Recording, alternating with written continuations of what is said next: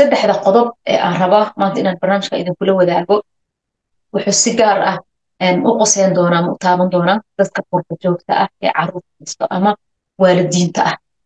Waana saddex qodob runtii aad muhiim u noqon doona insha aan rajeynaa ina ka faa'iideysan doontaa.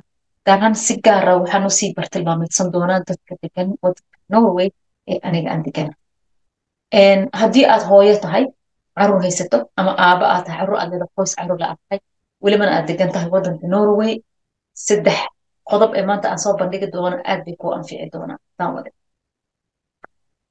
qodobka ugu horeeyo ee aan rabo inaan maanta idinkala hadlo ama aan rabo inaan idinla wadaago qaadashada idinkaa iskale ku dhaqanka idinkaa iskale laakiin aniga waxyaalihii aan ka faa'iiday iyo waxyaalihii aan ka bartay ayaan idin soo gudbinaa idinkana waad ka faa'iidi kartaa saddexdaa qodob saddexdaba waxay noqon doonaan ama ay quseeyaan sida looga shaqeeya gudahaada waxayna noqonayaan how to work iyo inside job sida looga shaqeeyo shaqooyinka gudahaada ah.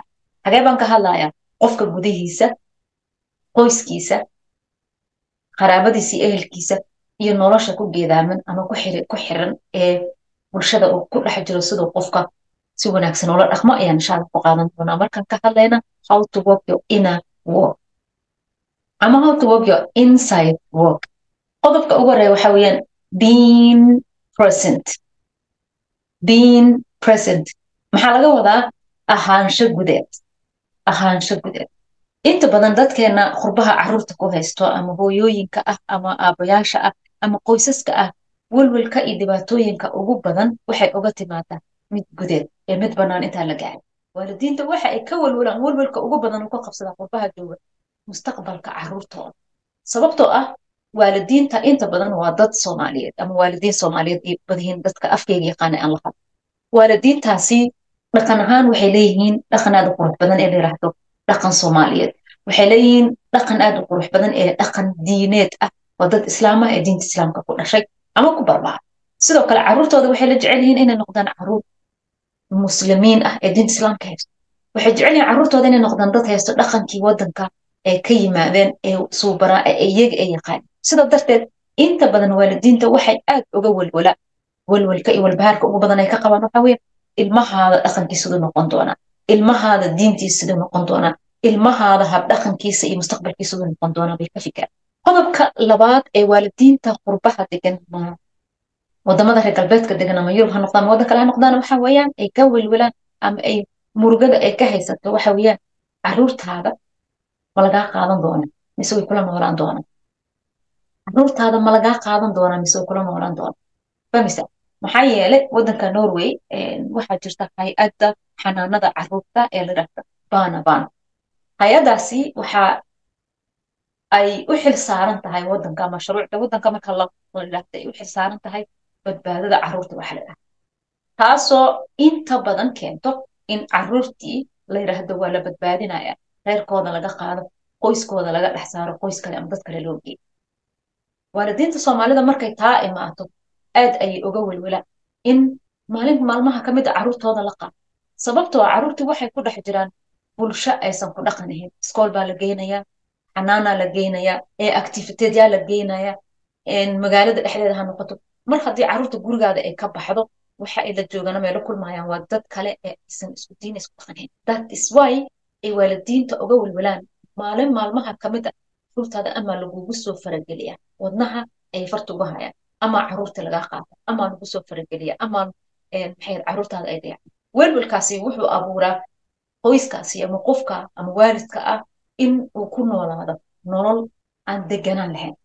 Nolol aan lahayn qofka focus uu leeyahay iyo kalsooni iyo maxay ahayd daacadnimo aan lahayn ayuu qof ku noolaan waa qof subax kasta markuu habeenkii saaxinayso wuxuu ku soo toosay ka welwelaya caruurtaada maxaa ku dhici doona ka welwela sidee buu ugu noolaan karaa farxad ma jirayso wax farxad gudeed ee qofkaasi uu dareemay ma jirayso inta carruurta halka uu ku hayo uu korin qodobka labaad ee dadka qurbaha jooga ay ka welwelaan waxa weeyaan lacag ama dhaqaale wadamadan markaad timaadid nolosha way adag tahay cid ku caawinaysa malaa waxaa laga yaabaa haddii waddankeena aad degan tahay ama aad joogtid meel aad dhaqan taqaanid oo africa oo kale ama kenya joog ama soomaaliya joog ama etoobiya joog ama jabuuti joog meeshaad joogtid dadka kale ee ehelka qof kugu dhow ayaa ku caawin. Qaraabadaada ayaa ku caawinaysa. Deriskaada ayaa ku caawina oo waxaa laga yaabaa saaka haddii aad dab shidanid inaadan ka welwelin maxaan cuni doonaa laakiin markaad qurbaha timaadid cid ku caawinaysa mala adiga ayaa laga rabaa inaad iscaawisid haddii ay ka tegi waysa dowladda waxay kuga caawinaysaa ee guri la'aan aad noqotid ama dhaqaalo la'aan aad noqotid ee aad sagxadda soo fadhiisatid waxaa laga yaabaa in lagu xisaabiyo ama lagu siiyo lacag yaro ceer la yidhaahdo oo ah ku noolo. Laakiin qof bini aadam uusan si raaxale ugu noolaan karin ama kalsoonina uusan ugu noolaan. Dadka qurbaha jooga marka iyagoo sidaa lacagta oga welwelaya haddana waxay gacanta ku haayaan qoysaskii ay ka soo tageen. Eheladii qaraabadii waalidiintii iyo dadkii biilashooda haddana lacag gacanta ku haayaan dhinaca kale waxay cabsi ka qabaan caruurtaada haddii wax yar cuntadooda wax laga arka marka xanaanada la geeya mas'uulka la geeya lagugu dacweeyaa laga qaata marka mushkiladda ugu badan waxay ka timaadaa dhaqaalaha qofka waa qodobka labaad ee dadka qoysaska inta badan ay isugu dhacaan ay uga welwelaan waxa weeyaan dhaqaalaha sidee baa lacag lagu hela mar hadduu financial problem kugu dhaco oo dhinaca dhaqaalaha uu murugo iyo welwel kaasoo galan waa xaaladaha ugu xun ina woolkaada ama gudahaada uusan nadiif ku noqonin aadan ahaanaynin qof faraxsan ee farxad iyo caafimaad qaba ma noqonaysa waay sababto gudihii ayaad ka kurboonaysaa ee aad ka welwelaysaa markay noqoto emotionally markay noqoto mentally markay noqoto physically markay noqoto spiritually iyo markay noqoto financially intaba kurba ayaa kaa saaray ma u malaynaysa marka qofay kurba hayso inuu caafimaad helayo qofay kurba iyo welwel caloosha iyo gudaha kaga fadhido halkaa laabta ay ka degan tahay maskaxiyan aan deganin ma u malaynaysa inuu caafimaad caafimaad? Raaxa kuma haysto qofkaas. Maadaama marka inteena badan dadka qoysaska haysto ay arrimaha dhaqaalaha ah inta badan ayna haysato. Sidoo kale arrimihii caruurtii dhaqankeenii carruurta iyo diintii carruurta iyo dhibaato ay naga haysato waxaa imaanaysa kurba joogta ah ama welwel joogta ah. Haddaba markaa xaaladahaasi marka aad gashid ama carruurta xaggeeda lagaa soo galay iyo qoysaskii ha noqoto. Ama ha noqoto dhaqaalihii oo inta badan qoysaskii isugu dhacaan. Marka labadaa meel kurbada ugu badan siyaabaha looga gudbi karo ayaan ku soo qaadanaya saddex qodob ayaan u soo koobi doonaa. Saddexdaa qodob maxay yihiin qodobka ugu horeysa waxaan rabnaa qofka inuu deganaansho helo oo la yidhaahda being present qofka inuu xaadir ahaado ee gudaha nabad ka dareemo ee emotionally uu degan yahay qiiro ahaan mentally maskaxiyan qofka uu degan yahay oo caafimaad helo ayaan u baahana sidee ku heli karnaa marka qof subax markuu soo kaca welwelka carruurta ay saaran? Ama ku dhegan caruurtaada ma lagaa qaadan doonaa ma lagu soo dacweyn doonaa xaggay wax mari doona iyaga maa ku dacweyn doona? Dhinaca kale qof ay ka haysato dhaqaalihii shaqadii ma kugu filan tahay biilasha ma bixin kartaa kirada guriga ma iska bixin kartaa nolosha ma iska bixin kartaa mase waad maxay bishan lacag la'aan baad noqonaysa bishan biilashaadii ma agoodi karaysa qof lagu dhegan yahay labada dhinac looga dhegan yahay siduu markaa ku dareemi karaa deganaan iyo xaalad nabad ay ku jirto qofka. Mar walbana qofka afarta qodob ee aan ka soo hadla aniga mar walba aan soo qaado waa muhiim qofka inuu ka degan yahay. Oo ah qofka inuu emotionally qof ahaantiisa ama dareemihiisa ama xaaladahiisa qiiro ay degan yihiin uu iskontarooli karo uu ogyahay meesha uu socdo waxuu qabanayo waqti kasta uu xaadir yahay. In laga shaqeeyo ayay ku imaanaysaa waana la bartaa. Waa wax laisbari karo.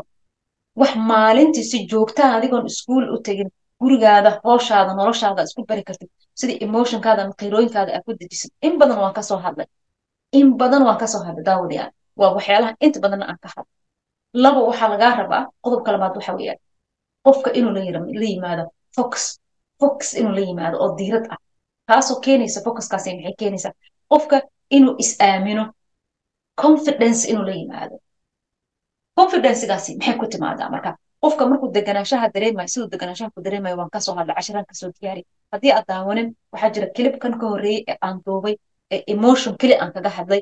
Haddii cashirka si fiican aad u daawato waxaad noqonaysaa qof degan xaaladiisa waqti kasta ee lagu jiro iyo xaalad kasta lagu jiro.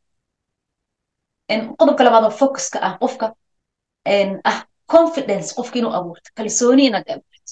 Sidee bay ku imaanaysaa waxaan dhahnay qoyska waxay ka welwelayan caruurtii carruurta in laga qaato dhaqaalihi ayay ka welwelayan sidee marka kalsooni ku imaanaysaa qofka inuu waxaasoo dhan uusan ka welwelin haddana uu ku dhex noolaa sidee ku imaanaysaa qodobka labaad ee aadka muhiim ku ah ee aan rabo isagan inaan idinla wadaago kalsooni buuxda isku qabtid oo subixii marka aad soo toostid halka aad welweli leh oo aad dhihi lahayd oo caruurteyda ama xanaanadii lagu dabagala ama iskoolkii lagu dabagalaa ama dharka ay wataan lagu dabagalaa ama cuntooyinka asina lagu dabagalaa halka halkaad ihli horta subaxaada aroortii hore intaysan caruurtaada toosin afarta aroornimo. Halka dadka qaar aa u taqaanaa tobanka saac ee subaxnimo. Adiga waa inaad toostaa ee qorshe aad leedahay. Marka adiga aad toostid waa inaad adiga gudahaada iska shaqaysid. Maxaan ka wadaa inaad gudahaada iska shaqaysid? Inaad horta ilaahay ku xirnatid wax kasta ee aad rabtid ee kurba ah ee gudahan kaa haysta horta ilaah baa kaa qaada subxaana wa tacaala isaga ayaa kurbada kaa feedi kara inaad ilaahay talada u dhiibatid oo aad ilaahay la fariisatid ee aad hor fariisatid ilaahay oo aad subaxaaday hore ku kacday ku kalahday ducada ilaahay sunnooyinka ilaahay tasbiixda macnaha ilmahaada inaad u ducayso adiga inaad ducaysatid qoyskaada inaad u ducaysid xaaskaada nin aad gabar haddaa tahay inaad odaygaada u ducaysid caruurtaada u ducaysid maalintooda inay noqoto cid kastay la kulmaanba inuu ilaahay subxaana watacaala malaa'igya u diro. Horta subaxaada subax kasta haddii xitaa aan salaad lagu lehna gabar aad tahay salaadda ay kaa jaban tahay waa inaad inta aad kacdid fariisatid ilaahay war fariisatid ee ilaahay aad la hadashaa ee aad weydiisataa waxa aad maantoo dhan doonaysa inaad ilaahay weydiisat oo siyaabaha lagu kasbado kalsoonida maalinta. Maalintaada in siyaabaha lagu kasbado iimaamka lagu sheegay iimaamka ee qofka biniaadamka anaga maxaa kaga duwanahay gaalada? Iimaanka kaga duwanahay iimaanka marka ma iska soco oo salaad duko oo cuntee oo orodba may soon may. Iimaamka waxa weeyaan inaad ilaahay talooyinka u dhiibatid ee isku xirtid ee ilaahay aad horfariisatid ee aad baridid ee aad la tashatid ilaahay. Halka cid kale aad u caban lahayd inaad isagu caabid sidoo kale subaxaada inaad ku bilowdid dadka waxyaalaha aad ka baqaysid ee focuskaada u saaran yahay cabsida ah inaad ka soo laabatid oo beddelkeeda taasi yaale araggaada aad sawiratid maalinta inay fiicnaan doonto. Ilmaha inay dad fiican la kulmi doonaan. Gabadha ilmahaada kuu hayso maclimad inay tahay qof wanaagsan. Gabadha xanaanada ilmahaada kuu xanaanaynaysa ama qolada kuu xanaanaynaysa inay yihiin dad wanaagsan. Calashan adiga inaad kalsooni buuxda isku abuurtid gudahaada si aadan u baqin. Sababtoo ah dhacdooyinkan aad ka baqaysid soomaalida ku nool norway afartan iyo shan kun oo qof ay gaaray afartan iyo shanta kun oo qof boqolkiiba konton ilmo ayay u badan yihiin dad dhalinyaro ee da'yar ayay u badan yihiin haddana inta la qaato oo ay qaataan qolada xanaanada boqolkiiba laba ma gaaraysa way ka yarta soomaalida ilmaha laga qaato inta aad miidiya aad ku arkaysana qaylanaysaan way yaryihiin boqolkiiba laba kama badin dadka ilmaha adiga marka waxaa lagaa rabaa subaxaada inaad ishor dhigtid horta boqolkiiba laba bisa ilmaha laga qaato sagaashan iyo sideedda kale ilmaha lagama qaato inaad adiga ka mid noqotid boqolkiiba sagaashan iyo sideedda kale ilmahooda aan la taabin inaad ka mid noqotid horta ilahay ka bari adigan iska dhaabic waayo waxa aad ishorkeenta way ku yimaadaan wax kastoo adiga aad subaxii kuwa baristo ishorkeento maalin kasta aad ka welweshid way ku hor imaanaan ha ka welwelin focuskaada ha noqdo dhinaca wanaagsan. Dad wanaagsan inaad la kulmaysid macluumaadta inay ku wanaagsanaan doonaan dadka aad la shaqaynaysa inay wanaagsan yihiin xaaladda inay wanaagsan tahay maalinta hadday maalin qabow badan tahay inaad ku qanacsan tahay qabowgaas inay tahay mid ku wanaagsanba maalinta hadday baraf tahay ee subaxi aan la bixi karin maalintaada ku kalsoono inaad tahay maalin maxaa yeele alxamdulilah ilaah baa ku siiye ilaah baa ku soo gaarsiiye qofka saaka nafta ee ka baxday qofka ka waran maanta iilka dhex yaada imisaa maanta sakaraado isbitaal taala adigood fiican. Wayaad welweleysaa.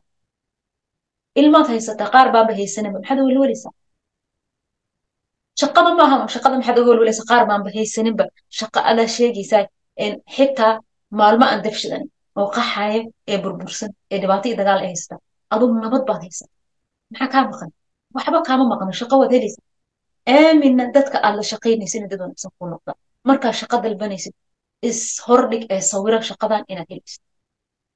Ilmahaada markay iskoolka jiraan ishorkeen iyagoo faraxsan inay kuu soo noqdeen ee aad quraacda u samaysay ee aad qado u samaynaysa aad isla joogtaa ilmahaada ishordhig iyagoo kuu koray ee waaweynaada ee ku garab istaagan ee kule hooye ee kule aabe ee faraxsan ee nolol fiican iskula nooshin ishorkeen isma arkaysan adiga iyo ninka xaasidka iyo kuwa cadowga isma arkaysan waayo sababta wanaagaad sawirata wanaagaad helaysa ilahay inaad ka bari talada saa so marka qodobka labaad ee ah confidensiga waxaa la rabaa gudahaada inaad ku aburtid positive.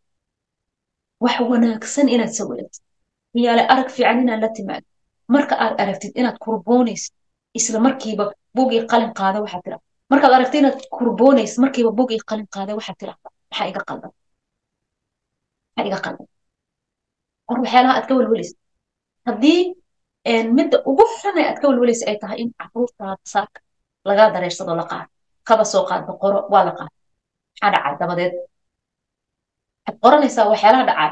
Caruurteyda diinta ayaa laga saaraya caruurteyda dad aan ku diinhanaya loo geynaya caruurteyda dhaqanka ayaa laga bedelaya waxaasoo dhan qor markaad qortid intay dhacda boqolkiiba fiir boqolkiiba intay dhacda? Ma boqolkiiba konton baa dhaca ma boqolkiiba sagaashan baa dhaca ma boqolkiiba toban bay dhacdaa. Boqolkiiba laba ayaa dhacdo in ilmaha intee laga qaado dad kale loo geeyo boqolkiiba sagaashan iyo sideedna way ka badbaadaan. Adiga mar kasta dhinaca wanaagsan ku darsan boqolkiiba sagaashan iyo sideedaasi ka badbaaday ee ilmahooda kursatay ayaa ka mid noqonaya wixii markaa welwelka ahaa uu ka haray welwelkii iyo kurbadii maskaxda way sii daynaysaa mana laga qaadanaya laakiin haddaad habeenay maalin ku fikiraysa caruurteeda waa la yeelaya waxaad noqonaysaa marka sida aad ku welwelayso baad noqonaysaa adiga maxaa lagaa raba ilmahaada iyo qoyskaada iyo noloshan aad ka welwelayso saddex ayaad u kala qaadaysa waxqabadka saddex u kala qaadaysa aad kaga gudbi kartid qodobka koowaad inaad adiga dadaashid ilmahaada diintooda ku dadaashid madarasooyinka kugu dhow aad geysid ama masaajidada aad geysid adiga aad la shaqaysid qur'aanka aad la fariisatid adiga aad noqotid qof qur'aankii baranaayo ay kula bartaan. Adiga ay kaa arkaan inaad tahay qof diinta ku dhaqmay. Adiga markay kaa arkaan ilmahaada way ku raacayaan. Labo tan labaad ee agoodda labaad ah waqtiga ayaa saxay waayo ilmahaada markay yareer yihiin weli mushkulada badan ayaa ku haysto laakiin markay soo barbaaraan ilmahaada iyagana way ku garab istaagaya iyagaaba garab kuu noqonaya marka waqtiga ayaa saxaayo hawelweli wax kasta maxay waqtiga ayaa saxaay iyo tan laba saddexaad oo ah awood ilahay daa adiga waxaad qaban karta qabo? Waqtiga u daa waxa kale. Waqtiga isaga ayaa isa saxaaya. Ilmahaada way koraya.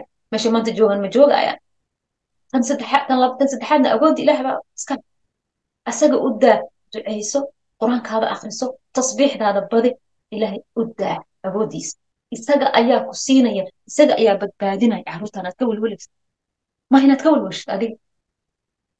Okay nolosha markaa focuska qodobka labaad oo ahaa focus iyo confidence ahaa oo diiradda iyo kalsoonidana diiradda saarta ahayd marka laga gudbo.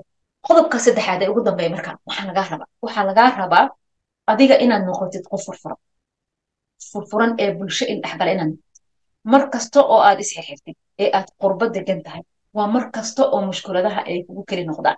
Qasab maaha dadkoona inaad dhex gashid qasab ma aha inaad cid ka saaxiib la noqotid.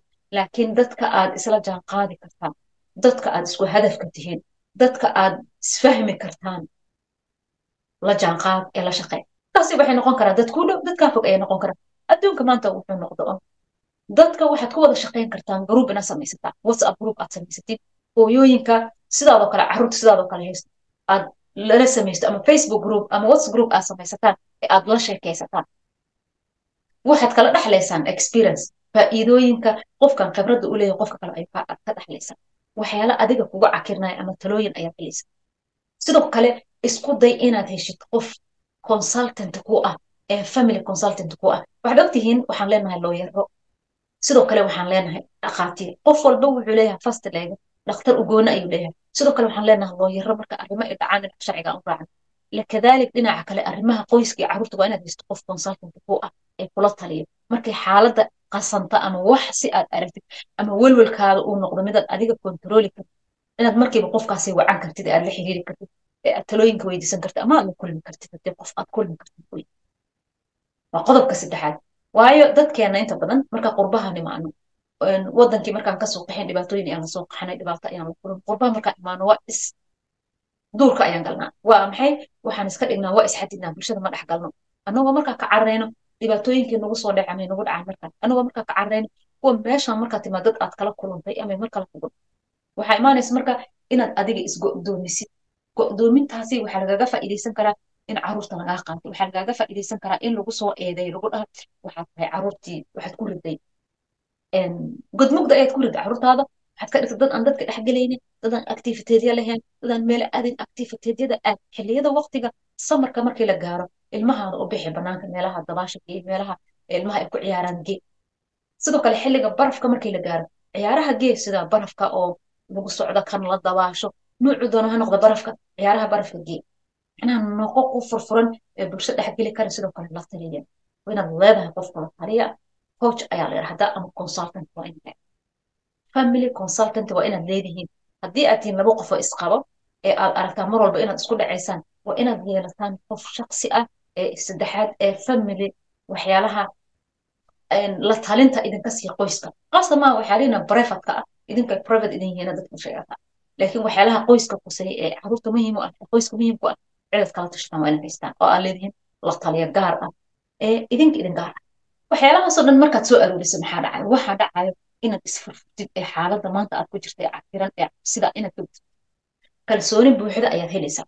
Daawade haddii aad tahay hooyo ama aabe qurbaha degan ama yurub degan weliba gaar ahaan norway ama sweden ani norway aan deganahay ee arrimahaasi caqabad ay kaa haysato waad ila soo xiriiri kartaa. Wixii tala ahna insha allah waxaan isku dayaa inaan idinka siiyo. Koorsooyinaan qabtaa oon bixiyaa oon hooyooyinka siiyaa inaan koorsada kugu daro haddii macquul ay ku tahay ani zoom ayaan ku bixiyaa. Qofna uma tago ilan dadka waddanka degan norway waxay degan gobollo kala duwanay degan cashiro ayaan bixiyaa markaa oo aan ugu talagalay qoysaska sida ay xaaladahaasoo kale markay timaado ay uga bixi lahaayeen. Caruurtoodana ay u caawin lahaayeen iyagana ay isu caawin lahaayeen. Inta badan ani waxaan xooga saaraa horta qofka weyn inuu isaga iscaawiyo marka hore. Markuu qofka gudaha ka dhismo emotionkiisa uu dejiyo mentale ahaan qof degan uu yahay qof caafimaad qaba gudaha markuu yahay. Markaas ayuu ilmahana caawin karaa marka ayuu dhaqaalaha reerka caawin karaa. Marka ayuu caawin karaa dadka kale ee wadankii joogay ee u baahana ehliyadiisa iyo weliba qoyska markaa la nool yahay iyo dadka kale asxaabtiisa. Marka haddii aad dabcan is leedahay qofka maanta xalu ay ka hadlaysa adiga waay. Ama aad dareemaysa waxyaalahan hadda aan ka hadlay ama hooyo keligeeda carruur haysata ah oo caawin u baahan. Aniga waxaan leeyahay splict waxa la dhahdaa.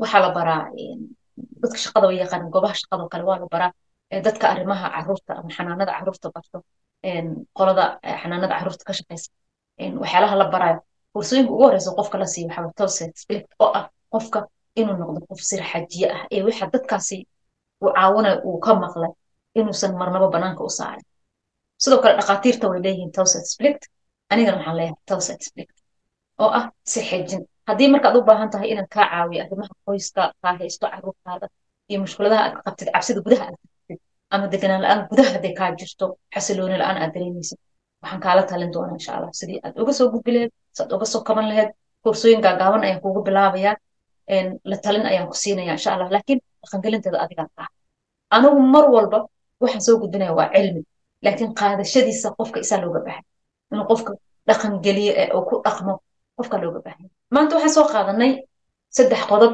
oo aad muhiim u ah kuwaasoo kale ah qofka inuu ahaado qof isla jooga oo ah xaadir ah ee gudihiisa uu nabad nabad ah.